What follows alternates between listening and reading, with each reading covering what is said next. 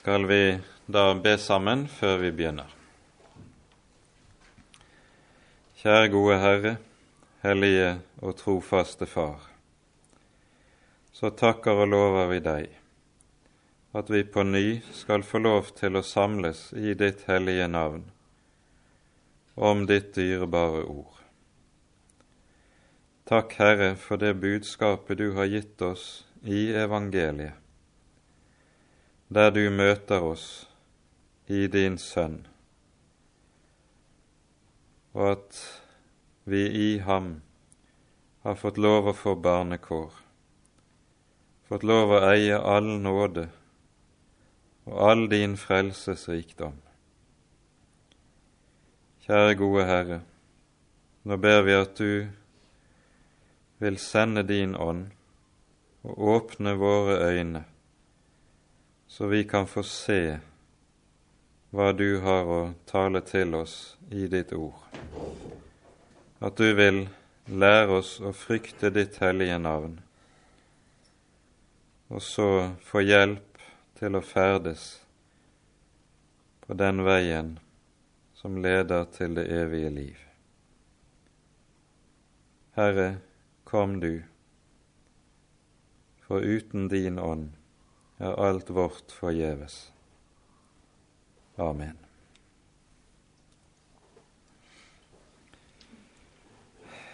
Vi leser da fra det 17. verset her i kapittel 4 og eh, et stykke nedover. Dette sier jeg da og vitner i Herren, at dere ikke lenger skal vandre slik hedningene vandrer, i sitt sinns tomhet, formørket i sin tanke, fremmedgjort for Guds liv ved den vankunnighet som er i dem på grunn av deres hjerters forherdelse.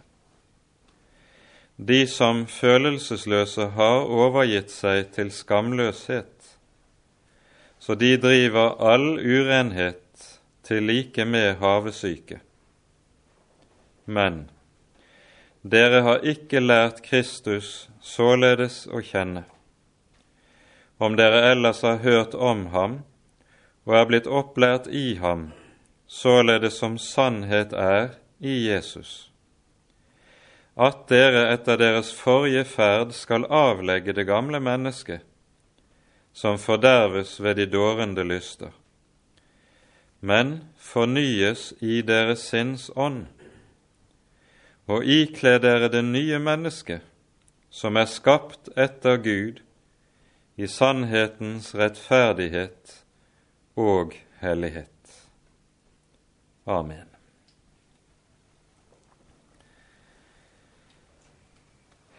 Det vi her har lest, det er et avsnitt der vi finner noe av den grunnleggende formaning som gjelder det kristne livet her i verden. Og vi ser at i dette avsnittet så Eh, kan vi todele det i det apostelen først taler om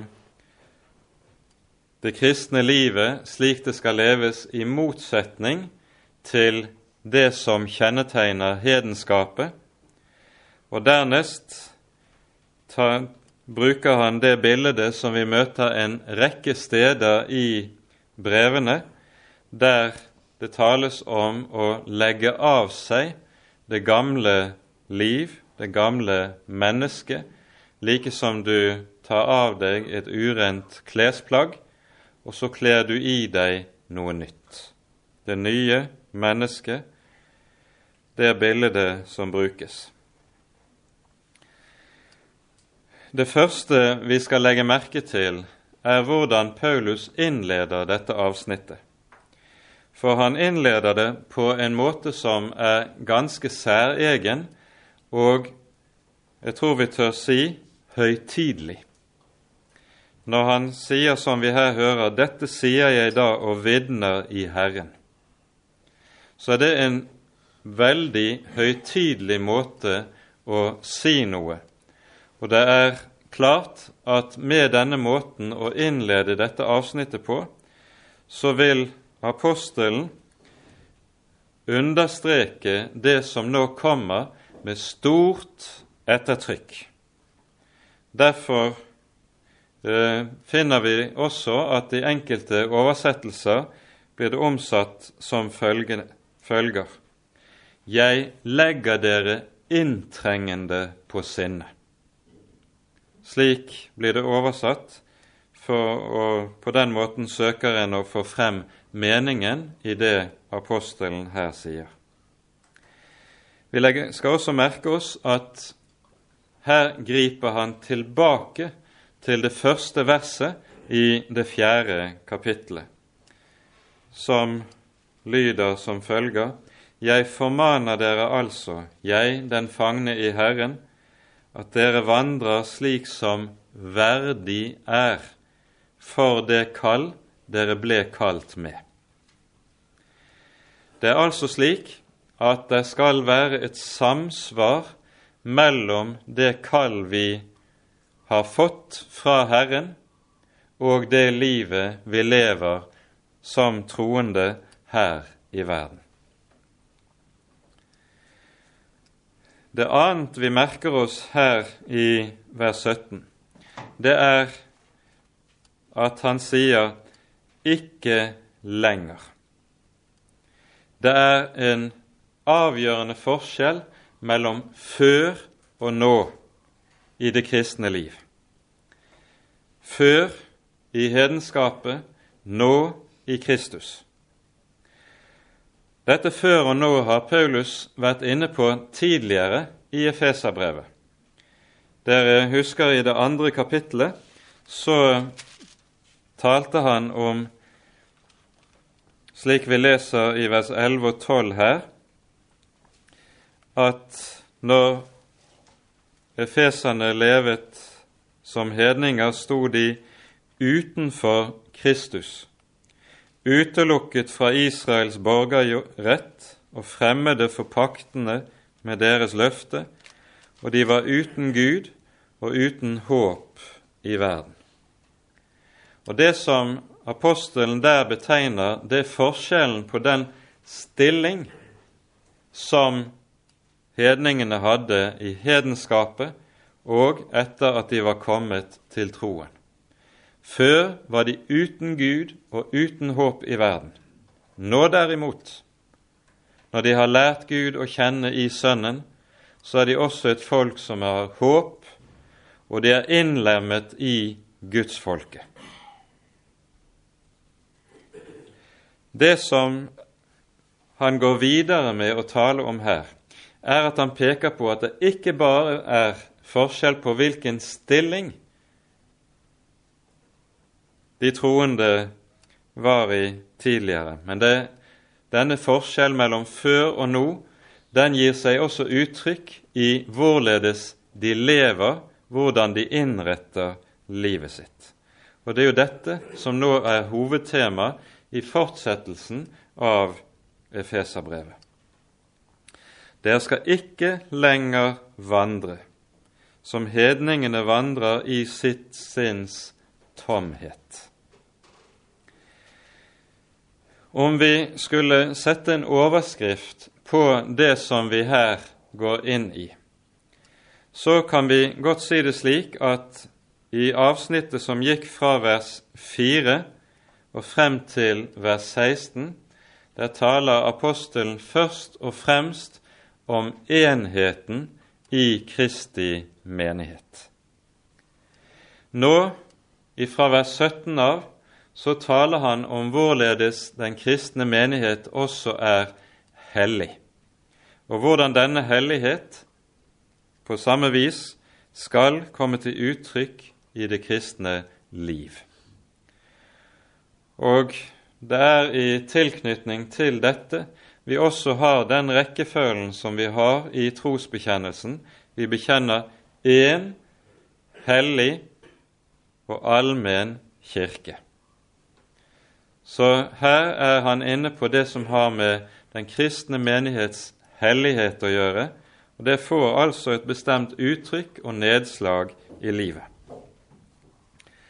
Denne hellighet beskrives her altså at dere ikke lenger skal vandre slik som. Dermed så beskriver han altså at det er en avgjørende forskjell på hvordan de troende lever, og hvordan hedningene lever. Dette er noe som vi gjenfinner i den grunnformaning som vi har i Romerbrevet i det tolvte kapittel, i det andre verset, der Paulus skriver:" Skikk dere ikke lenger like med verden, men bli forvandlet ved fornyelsen av deres sinn. Det ord som der er brukt for verden, det er det greske ordet aion, som vi har som låneord i ordet eon, og som egentlig betyr tidsalder. Skikk dere ikke like med denne tidsalder eller med denne tid som vi lever i. Og Det vi skjønner ligger i dette, er at det er noe kjennetegnende ved det å være en kristen at en ikke følger med tiden ikke følger med tidens strøm. Derfor er det å være en kristen noe som er ganske annerledes. Jesus sier om disiplene sine i Johannesevangeliet i det 17. kapittel to ganger Dere er ikke av verden, like som jeg ikke er av verden. Og hva er det som har gjort at disiplene får høre dette av Jesus? Dere er ikke av verden. Jo, det sies i vers 14. Jesus sier, 'Jeg har gitt dem ditt ord', og verden har hatet dem, fordi de ikke er av verden, like som jeg ikke er av verden. Disiplene har altså fått et bestemt budskap i evangeliet, som har fått rom i deres hjerter. De er født på ny, de er blitt nye mennesker, og dermed er det skjedd at de altså ikke lenger er av verden. Og Det som skaper det store skillet, det er altså 'Jeg har gitt dem ditt ord'. Det er først og fremst det at Herrens ord, frelsens åpenbaring, som Jesus kommer til oss med i budskapet, det er at det får rom. Det er dette ord som setter det grunnleggende skillet. Når det så også får konsekvenser for livet, så er det bare følge og frukt av det grunnleggende som er skjedd i første omgang. Jeg har gitt dem ditt ord. Og Så lyder det altså de er ikke av verden, like som jeg ikke er av verden. Jesus sier tidligere i Johannesevangeliet i det åttende kapittel, i, når han er i en stridssamtale med en gruppe jøder, så sier han dere er nedenfra, jeg er ovenfra. Dere er av verden, 'Jeg er ikke av verden'. Og Nå sier han altså om disiplene 'De er ikke av verden, like som jeg ikke er av'. De er nemlig også slike som er født ovenfra. De lever med andre ord her i verden som slike som representerer en annen verden. På dette området er Israel i Det gamle testamentet det grunnleggende forbildet. Og vi skal peke på et par hovedsteder som sier noe om den saken. Vi slår først opp i Tredje Mosebok, i det tyvende kapittelet.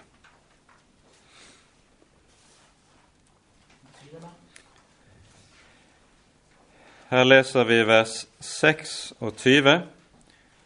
Og Det vi, som er poenget her, er at her er vi inne i det som gjerne kalles for hellighetsloven i Mosebøkene, som begynner med det 18. kapittel, og der og går frem til og med det 20., og der Herren beskriver ulike sider ved hva det vil si at Guds folk skal være det hellige folket. Og Så står det altså, som vi her hører i vers 26, dere skal være hellige for meg, for jeg, Herren, er hellig, og jeg har skilt dere ut fra folkene for at dere skal høre meg til. Jeg har skilt dere ut fra folkene for at dere skal høre meg til. Selve ordet 'hellig' betyr jo, er jo et ord som nettopp kommer av en stamme som betyr å dele eller skille ut. Og Her beskriver altså Gud den, sin frelsesgjerning på denne måten. Han sier 'Jeg har skilt dere ut' Hvorfor? Jo, for at dere skal høre meg til. Om samme saken leser vi i Fjerde Mosebok, i det 23. kapittelet. Her hører vi profeten, denne underlige profet Biliam, på Herrens befaling tale om Israel idet han står på fjelltoppen og ser ned på folket. Så står det slik Vers 9. Fra fjellets tinde ser jeg ham, altså Israel, og fra høydene skuer jeg ham. Se, det er et folk som bor for seg selv, og blant hedningefolkene regner det seg ikke. Når Israel er skilt ut av Herren, altså er Guds folk, så er det altså et eget folk som ikke lenger regnes til å høre med blant hedningefolkene.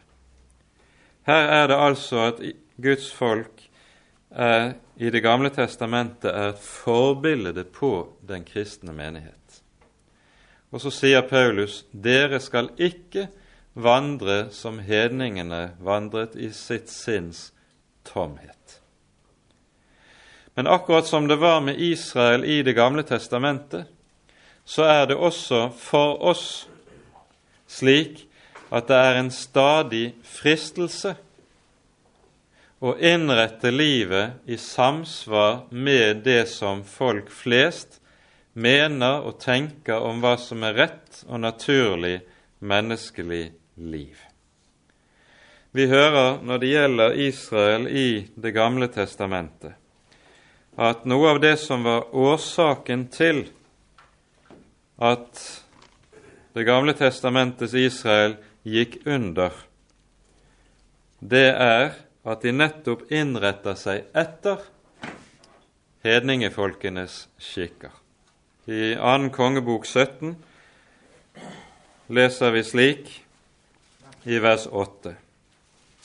2. kongebok 17, og det vi eh, her hører, er om hvorledes Nordriket går under, og så summerer den profetiske historieskriver opp hva som er årsaken til Guds folks undergang.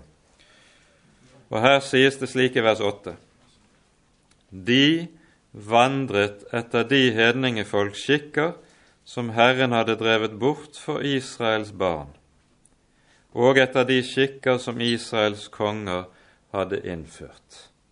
Altså, i stedet for at Herrens ord var det som lærte dem hvordan de skulle innrette livet, så innrettet de livet etter en annen målestokk, etter et annet mønster, nemlig hvordan folk ellers som de levde midt iblant, levet og tenkte.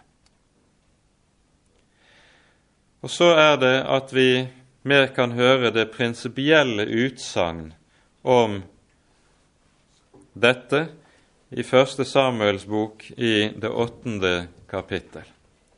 Her hører vi at Israels folk krever å få en konge, akkurat som hedningefolkene også hadde konger.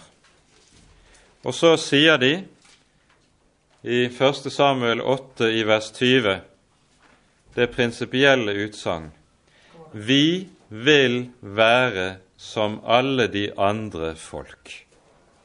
Det er faren. Og Dette er på ny og på ny slik vi ser det i Kirkens historie, like som i bibelhistorien, den grøft som Guds folk står i fare for å havne ut i. Vi vil være som alle de andre folk. Men når vi leser som vi gjorde i Tredje Mosebok, dere er et hellig folk, jeg har skilt dere ut for at dere skal høre meg til, så betyr nettopp det å være Guds folk, det hellige folket, det betyr også å være et annerledes folk. Et folk som ikke, så å si, lar seg drive med strømmen, lar seg drive med tiden, og som derfor heller ikke gjør eller tenker sånn som alle andre gjør det i det samfunn vi lever midt inni. Vi hører om noe av dette også i Det nye testamentet, i første Peters brev i det fjerde kapittel. Sier Peter slik i de tre første versene. 1. Peter 4, de tre første vers.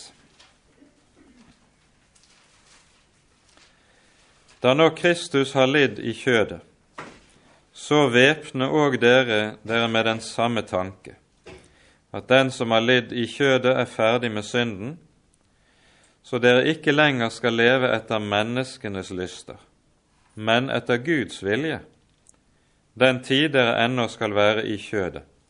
For det er nok at dere i den fremfarende livstid har gjort hedningenes vilje, idet dere ferdedes i skamløshet, lyster, fyll, svir, drikk og skammelig avgudsdyrkelse. Derfor undrer de seg når dere ikke renner med dem ut i den samme strøm av ryggesløshet og spotter dere. Her hører vi hvorledes det nettopp sies om den første kristne menighet at det skjedde en radikal forandring i livet som også tydelig kunne sees. Og så står det derfor undrer hedningene seg når dere ikke lenger løper med dem. De løper ikke lenger med strømmen, de var blitt slike som gikk mot strømmen. Og så merker vi oss dermed at det å være en kristen, det betyr og innebærer at livet også omstøpes i en ny form. Og det som er den form som det nye livet støpes i, det er Herren Jesus Kristus selv. Det skal vi etter hvert se nærmere på.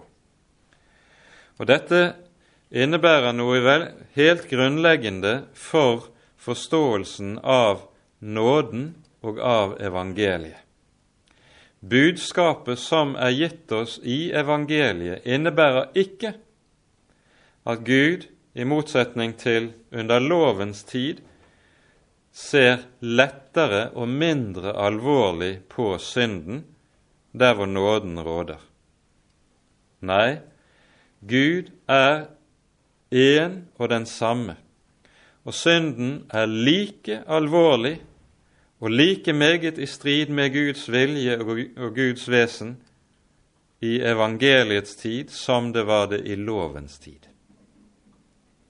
Nåde betyr altså ikke at Gud ser gjennom fingrene med synden, men det betyr at Gud frelser fra synden. Og så gir dette seg utslag i livet.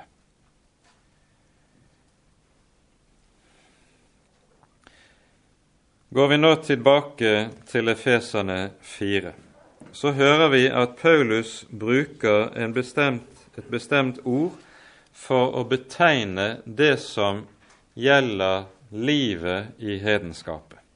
Han sier dere skal ikke lenger vandre slik hedningene vandrer i sitt sinns tomhet. Ordet tomhet skal vi merke oss. For denne tomhet som det her er tale om, den har det med seg at uansett hva du putter inn i dette tomrommet, så blir det aldri fylt, og mennesket blir aldri egentlig tilfreds. Tvert om, jo mer en putter inn i tomheten, jo større og dypere blir den. Slik er nettopp hedenskapets tomhet. Og Du kan på sett og vis sammenligne den med dette som astronomene taler om når de forteller oss at ute i verdensrommet så er det noe som heter svarte hull. Det er ingenting som slipper ut fra disse svarte hullene. Gravitasjonskreftene er så sterke at selv ikke lyset kan unnslippe og det suger alt som er i omkretsen, inn i seg, men det blir ikke fullt. Tvert om, jo mer det suger til seg, jo dypere blir mørket og tomheten. Det er det Jesus taler om når han sier som han gjør. Hva gagner det et menneske om han vinner hele verden, men tar skade på sin sjel. I denne tomhet så gagner det oss ikke å vinne om enn aldri så meget. Tomheten blir likevel bare større og større. Og slik er livet i hedenskapet.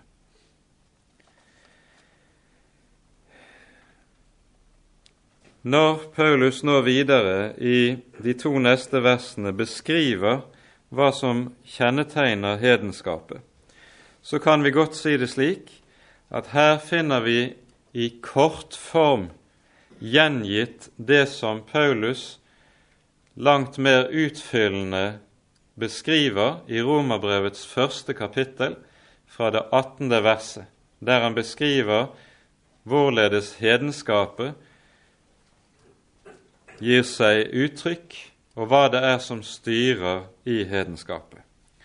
Og Hele poenget er her at når mennesket vender Gud ryggen, enda de skulle kjenne Gud ut fra hans skaperverk, så fører det til at mennesket ubehjelpelig kommer i syndens makt og under syndens herredømme. Det står et uttrykk gjengitt tre ganger i det første kapittelet i Romerbrevet her. Derfor overga Gud dem. Og Det at Gud overgir mennesket som vender ham ryggen, det innebærer at det kommer under syndens herredømme helt ubehjelpelig. Hva dette innebærer, beskrives meget komprimert her i vers 18 og vers 19. Det første vi da skal merke oss, er at det som Paulus her sier når han taler om at de er formørket i sin tanke, fremmedgjort for Guds liv osv., så, så er det noe som skjer på grunn av noe ganske bestemt nemlig på grunn av deres hjertes forherdelse. Det at livet blir tomt, det vil si at noe av det som er hedenskapets grunnleggende livsfølelse, er følelsen av lede, livslede. Det er noe som altså henger sammen med det vi hører her, deres hjertes forherdelse. Der mennesket vender Gud, der mennesket vender Guds ord ryggen, der vil livsleden alltid være det som kommer til å råde. Og Derfor vil hedenskapet også være kjennetegnet av at mennesket alltid er på flukt. På flukt fra stillheten, på flukt fra kjedsomheten, på flukt fra alt det som gjør at livet oppleves som meningsløst, som tomt, ja, som lede. Og Derfor fylles livet med mest mulig støy, med mest mulig uro, med mest mulig som kan få en til å glemme stillheten, der en kanskje skulle komme til seg selv. Og er det noe djevelen hjelper mennesket til, så er det nettopp det. Når C.S. Lewis skriver sin bok om eh, djevelen som dypper pennen, og driver et kurs for en liten underdjevel i hvordan han skal forføre mennesker, så skriver han der i en sammenheng om at noe av det som er aller viktigst for å kunne lykkes i å forføre mennesket, det er at det er mest mulig larm omkring mennesket, sånn at tomheten ikke blir følbar. Og så skriver denne djevel vi har langt på vei lykkes i å fylle verden med larm. Det var enda ikke helt vellykket, men de var på god vei. Dette var skrevet for 50 år tilbake, nettopp under annen verdenskrig. Mindre larm er det vel ikke blitt siden den tid. Men denne tomhet, den er altså noe som først og fremst springer ut av hjertets forherdelse. Det uttrykk som brukes for forherdelse, det er et ord som egentlig betyr en stein. Det er stein. Det er betegnelsen på et steinslag som er hardere enn marmor. Når det altså taler om hjertets forherdelse, så er det tale om at mennesket gjør sitt eget hjerte hardt som stein, dvs. Si ufølsomt for Herrens kall, Herrens tiltale. Det er noe av dette vi møter igjen også i Johannesevangeliet. Når Jesus i kapittel 8 står oppe i en stridssamtale med jødene, så sier han slik i Johannes 8, vers 43.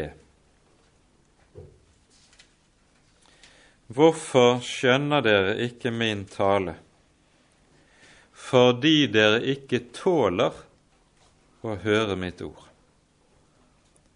Altså årsaken til at de ikke skjønner, ligger ikke i manglende forstand, manglende intelligens, eller i dårlig pedagogikk på Jesus sin side, at han ikke har forklart saken godt nok. Nei, hvorfor skjønner dere ikke min tale, sier han, fordi dere ikke tåler å høre mitt ord. Nettopp Jesu ord bærer i seg et dypt anstøt for det naturlige mennesket, og som gjør at Jesu ord er det utålelig. Det er det som nettopp Paulus beskriver her som hjertets forherdelse så sies det at denne hjertets forherdelse den leder til bestemte ting. For det første at mennesket blir formørket i sin tanke. Vi sang i salmen som vi sang nå til åpning i det andre verset, Vår formørkede forstand kan jo ikke sannhet kjenne. Så lyder det i neste strofen, uten din, den gode ånd, vil sitt lys i oss opptenne. Det er saken. Mennesket har jo gjennom alle tider gjerne villet rose seg av at nettopp dets egen tanke, dets egen evne til intellektuelle erobringer, det er menneskets fremste lys. Og Vi har jo sågar en periode i historien som kalles for opplysningstiden. Det var den periode i historien der hovedslagordet var nettopp det mennesket kan ikke tro på noe dogme, noen bibel, noen åpenbaring. Det er i menneskets egen fornuft lyset er. Og så kom det som kalles for opplysningstiden. Bibelsk bedømt er denne tid begynnelsen på Europas mørketid, da mennesket nettopp forkaster åpenbaringen og vender Gud og kristentroen ryggen, og så får vi den sekulære, den gudløse kultur. Menneskets tanke er formørket, i den betydning at mennesket er ute av stand til å nå, til å tenke seg frem til og til å erkjenne Gud uten at Den hellige ånd kommer og åpenbarer dette for hjertet. Uten Ånden er vi blinde. Det er saken. Det neste som sies, er at mennesket så da blir fremmedgjort for Guds liv. Det er jo det som ligger i forlengelsen av selve syndefallet. Det fører nemlig med seg at mennesket blir dypt fremmed overfor Gud og alt som er av Gud og hører ham til. Det er enda mer fremmed enn om en kar som aldri har kommet utenfor sin lille bygd i en krok på Vestlandet, skulle havne midt i Indias forvirring, der han verken kjenner språk eller skikker eller forstår noe som helst. Enda mer fremmed enn han ville være i slike omgivelser, er det falne mennesket overfor den levende Gud. For i Guds rike, der er det nettopp tale om at her har vi en helt ny verden, som også har sitt eget språk, sine egne skikker, sine egne lover, som det falne mennesket nettopp er fremmed for, og til dels kan oppleve som dypt anstøtelige. Det falne mennesket er, som vi hører, fremmedgjort for Guds liv. Og dette skjer altså på grunn av den vankundighet som er i den. Det betyr egentlig den uvitenhet som er i den. Og Her er vi fremme ved en viktig sak. For slik som den kristne tro meget ofte fremstilles i Det nye testamentet, så fremstilles det som det å få kunnskap, nemlig en ganske bestemt kunnskap. Vi leser f.eks. i Filippabrevet i det tredje kapittel slik, i vers åtte.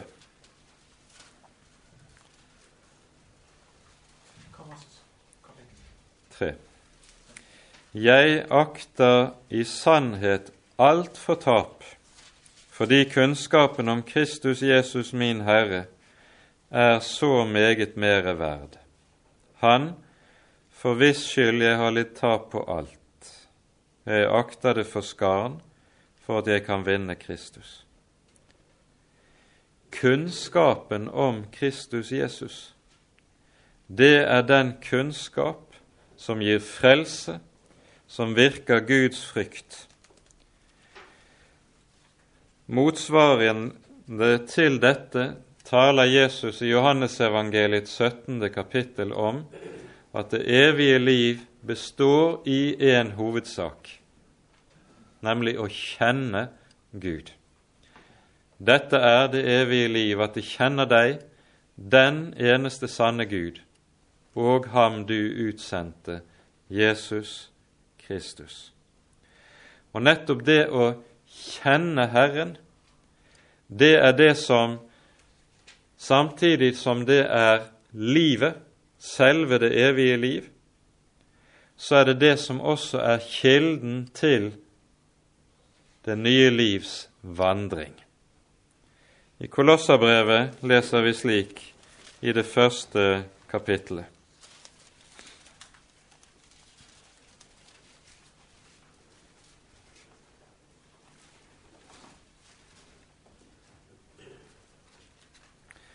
Vers 9 og 10. Der, derfor holder vi fra den dag vi hørte det, ikke opp med å gjøre bønn for dere og be at dere må fylles med kunnskap om Hans vilje, i all åndelig visdom og forstand, så dere kan vandre verdig for Herren, til velbehag i alt, så dere bærer frukt og vokser i all god gjerning ved kunnskapen om Gud. Legg merke til den måten Paulus her uttrykker seg på. Altså, det å bære frukt og vokse i god gjerning, det henger først og fremst sammen med kunnskapen om Gud. Det er altså ikke loven som skaper frukt.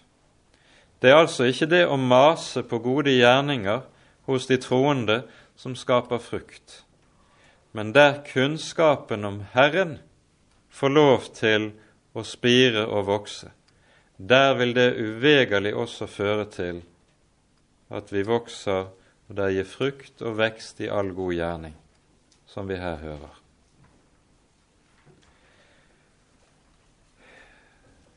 Så vi skjønner det som har med den kristne kunnskap å gjøre, det er noe helt grunnleggende.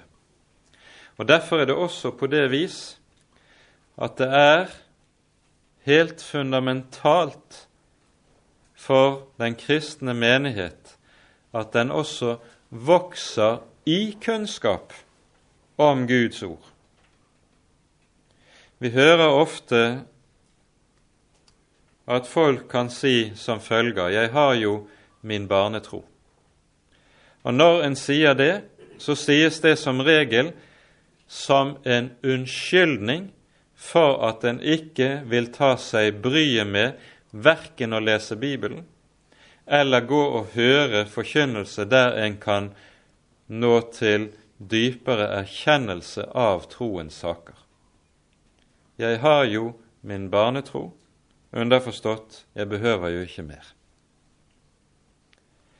Men det som kjennetegner levende kristendom, er at den alltid har det med seg at den hungrer og tørster etter Guds ord, og dermed etter, også etter det å vokse i kunnskap om Herren og Hans vilje. Så det med kunnskapen, det er ganske fundamentalt med tanke på det kristne livet. Går vi nå videre til det 19. verset her i Efesane 4, så pekes det på de hovedutslag en finner av at hjertet er vendt bort fra Gud innen hedenskapet. Mens vi i vers 18 vesentlig finner beskrevet det sinn eller det sinnelag som preger hedenskapet, kan vi si at i vers 19 er det tale om hovedutslagene utslagene i det ytre liv. Det beskrives altså slik De som følelsesløse har overgitt seg til skamløshet, så de driver all urenhet til like med havesyke. Det ordet som her er oversatt med 'følelsesløs', det kan kanskje omskrives slik at det betegner avstumpethet, og ganske særlig åndelig avstumpethet.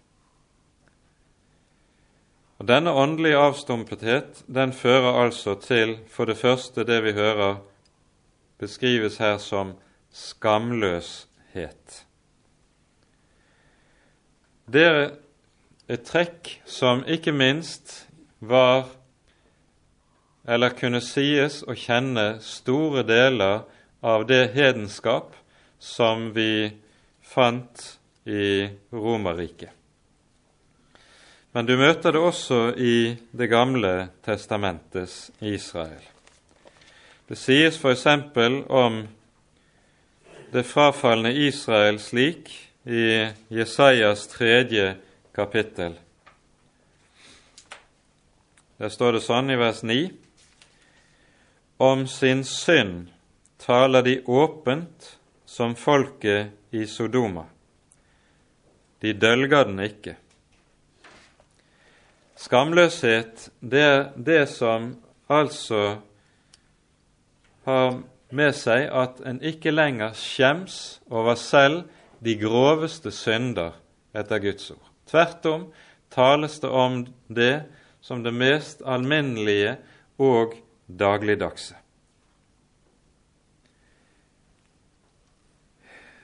Her må vi si noen ganske korte ord om det som har med skam å gjøre. For skam er jo så å si den første frukt av syndefallet. Vi hører om Adam og Eva etter at de har ett av treet til kunnskap om godt og ondt, så sies det i Første Mosebok 3 da ble deres øyne åpnet, og de fikk se at de var nakne, og så bandt de fikenblad om seg. Skam er den første følge av synden. Og Derfor har også skam vært noe som alltid har fulgt i syndens kjølvann. Men synden kan komme til å vokse og nå til et stadium der mennesket nettopp kommer dit hen at det så å si i opprør mot Gud ser på det som den største tegnet på frihet at det også overvinner skammen over synden. Det så vi være noe av det som kjennetegnet den romerske kulturen i forfallstidene. Det er vel ikke urett å si at dette er noe av det som også kjennetegner meget av den moderne vestlige kulturen. Når synden virkelig når langt, da blir skamløshet noe av det som er et kjennetegn på tiden og på kulturen. Et annet ord for skamløshet, slik som vi møter det i Bibelen, det er rett og slett frekkhet. Frekkhet, det er skamløshet paret med hovmod. Da er det ikke lenger slik at en bare har sluttet å skamme seg, men en også løfter øynene hovmodig og frekt og setter sin ære i sin skam, slik som apostelen sier det i Filippabrevet. Noe av dette er det vel rett å si også kjennetegner vår kultur, og meget av det som vi møter i mediekulturen nå til dags enten det taler om musikk eller film eller litteratur, så er dette noe av det som går igjen, så å si over hele linjen. Og Denne skamløshet den handler da om to ting. De driver all urenhet samt havesyke. Det er hedenskapets to moralske hovedsynder.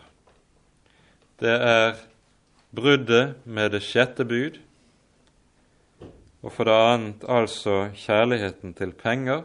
Mammon blir hovedguden i stedet for Han som er den eneste og sanne Gud. Dette kommer vi til å komme noe mer inn på lenger ute i Feserbrevet, fordi Paulus tar det opp eh, litt mer utdypende der. Her er det bare nevnt som altså stikkord som betegner hele hedenskapet som kultur. Urenhet og havesyke. Nå slutter Paulus dette avsnittet med å si Men dere har ikke lært Kristus således å kjenne. Om dere ellers har hørt om ham og er blitt opplært i ham, som sannhet er i Jesus. Og på ny, legg merke til, her sies det altså ikke, og vi finner ikke noen henvisning til loven.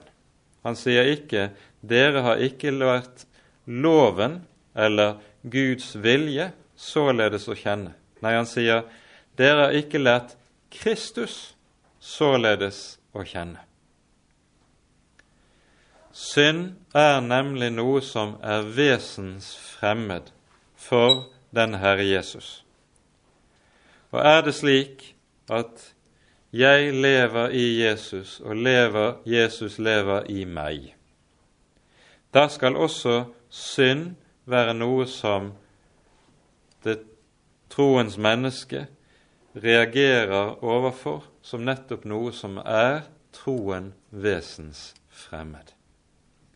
Paulus sier i Galatane 2,20 Det er jo et hovedord der Paulus beskriver selve kjernen i hva det er å være en kristen.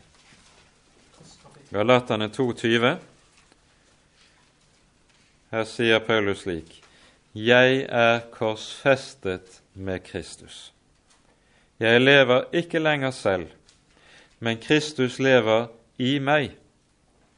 Og det liv jeg nå lever i kjødet, det lever jeg i troen på Guds sønn, som elsket meg og ga seg selv for meg. Jeg lever ikke lenger selv, sier Paulus. For det som kjennetegner en kristen, det er først og fremst at Kristus bor i ham, og han er i Kristus. Og er jeg ett med Kristus, da er, er det også slik at synden er det som avvises som nettopp Herren vesensfremmed. Derfor er det Paulus uttrykker seg som han her gjør. Dere har ikke lært Kristus således å kjenne. Det vi ganske kort før vi setter punktum, også skal merke oss i disse to versene, vers 20 og 21, det er at Paulus her bruker tre verb som hver på sin måte beskriver noe helt avgjørende ved det å høre Herren til. Når han først i vers 20 sier 'lært å kjenne', så brukes det her et verb som eh, vi i evangeliene hører om det å være disippel. En disippel er jo en læresvein, som en sier det på nynorsk. Det er et godt ord. Men vi har jo ikke noe tilsvarende på eh, bokmål. Der må man si 'å være disippel'. Det er det verbet som brukes her i vers 20. Det andre verb som brukes i vers 21, der står det 'om dere ellers har hørt om ham' i vår oversettelse. Egentlig står det 'om dere ellers har hørt ham'. Preposisjonen 'om' står ikke i grunnteksten. For det er jo slik at når vi hører sann og rett forkynnelse gjennom Herrens apostler, da er det Herren Jesu egen stemme vi hører. Mine får hører min røst. Og gjennom apostlene er det Kristi røst kommer til oss. Jesus har jo selv uttrykkelig sagt til sine apostler, 'Den som hører dere, hører meg'. Slik at å høre det budskap som kommer til oss fra apostlene, det er å høre Jesus selv. Om dere ellers har hørt ham. Efeserne hadde jo ikke møtt Jesus i hans jordeliv, heller ikke hørt ham forkynne i hans jordeliv. Men likevel, gjennom å høre apostlenes budskap, så har de hørt ham. Og det samme kan sies også om oss. Vi hører Herrens røst. Vi hører Herren selv når vi hører Hans apostlers ord til oss, rett talt og forkynt. Altså, dere har hørt ham, sier Paulus. Og det siste verbet som brukes, det er et verb som altså betyr å bli opplært i.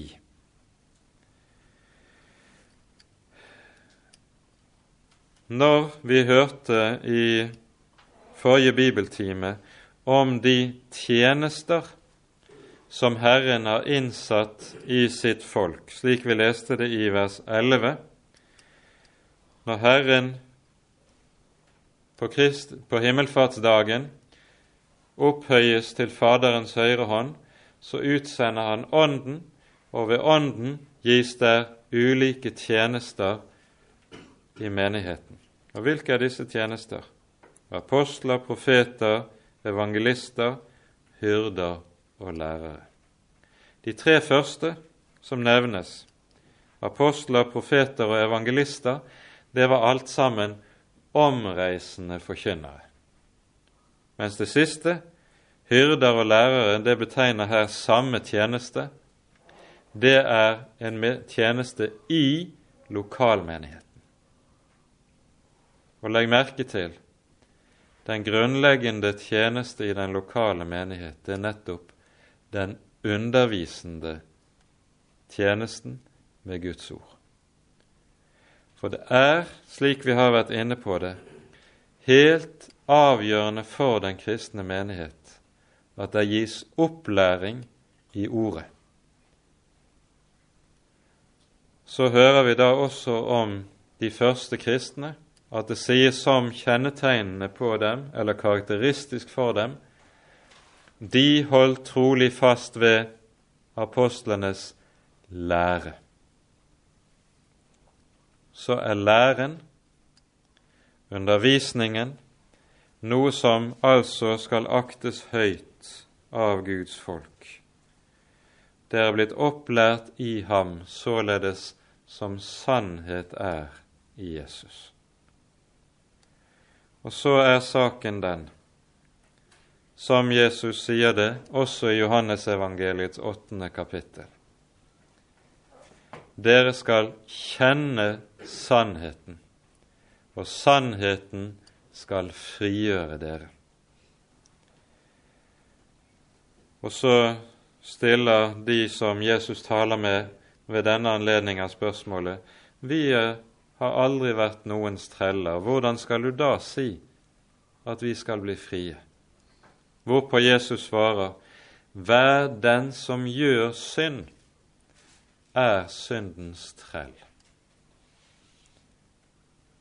Paulus har beskrevet hedenskapet.